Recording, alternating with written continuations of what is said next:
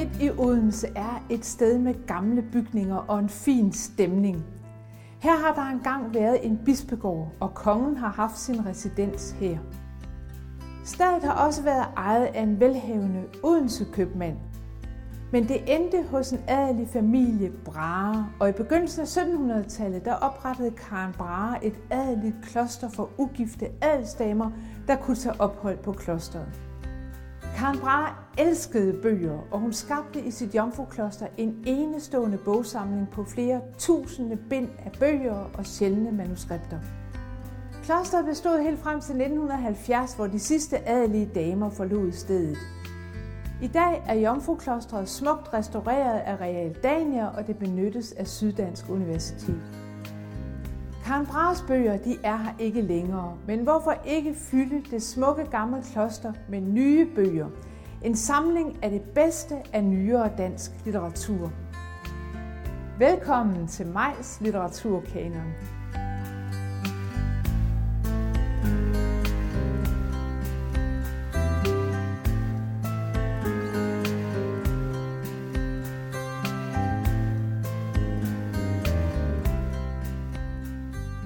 En af Londons mange seværdigheder er Marie Tussauds vokskabinet, hvor nutidens og fortidens berømtheder møder de besøgende i stivnet voks og fuld figur. Men hvem var egentlig kvinden, der grundlagde det berømte kabinet Marie Tussauds?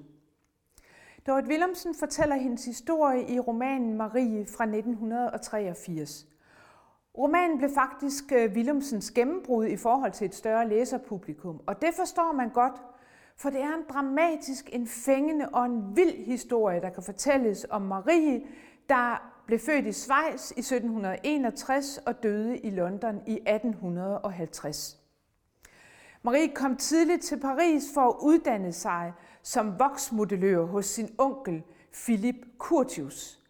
Han tog hende med til Versailles og det ekstravagante hof, hvor Marie lavede voksfigurer og underviste Louis den 16. søster Elisabeth. Kongefamilien blev så glad for hendes arbejde, at han, man inviterede hende til at tage ophold i Versailles.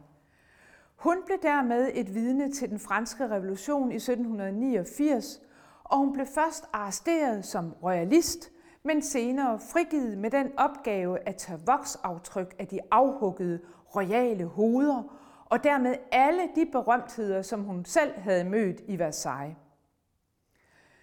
Marie tager læseren med ind i Versailles overdådige luksus.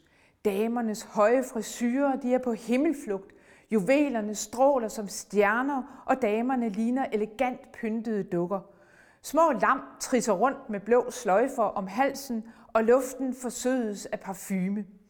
Vi ser den underskønne prinsesse Lambal blive foreviget af Marie, og prinsessens rosa polerede negle og skønne kastanjebrune hår bliver fastholdt som voksdukken den sovende skønhed.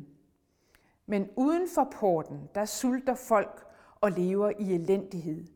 Den historiske roman om Marie får fat på de grælde kontraster og de barske realiteter under den franske revolution. Når Marie foreviger de levende modeller, så får de strå i næsen, så de lige akkurat kan trække vejret. Og som læser, så føler man sig faktisk nærmest udsat for samme behandling. Man får af til næsten åndenød, både af de mange veldufte, og så af stanken af død og forfald i revolutionens by. Marie hun bliver fremstillet som en moderne kvinde, der vil gøre karriere. Da hun bliver gift, så kan ægtemanden Tussaud ikke følge med i hendes planer og hendes mange ambitioner – og hun forlader ham med den ene af parets sønner for at turnere i England med sine voksdukker, og så for der at grundlægge sit kabinet. Karriere, moderskab og parforhold, det er virkelig ikke nemt at få forenet.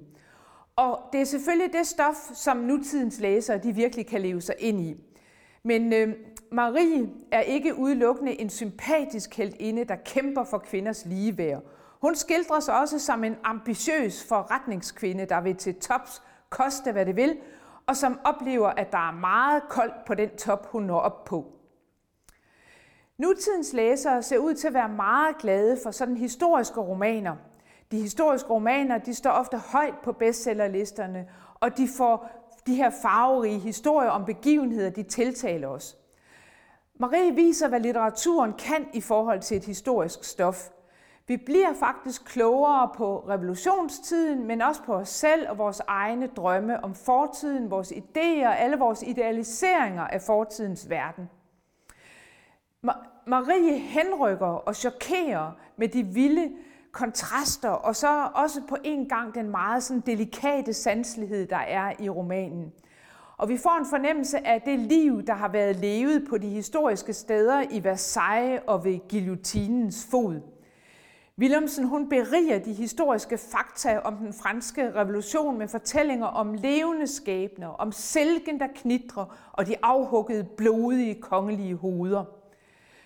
Willemsen hun formår at få al pragten ved Versailles til at glimte og stråle, og hun giver os samtidig altså meget grælde indtryk af kødeligt forfald, af loppernes march under de pudrede parrykker og af de høje prinsers skrøbelighed.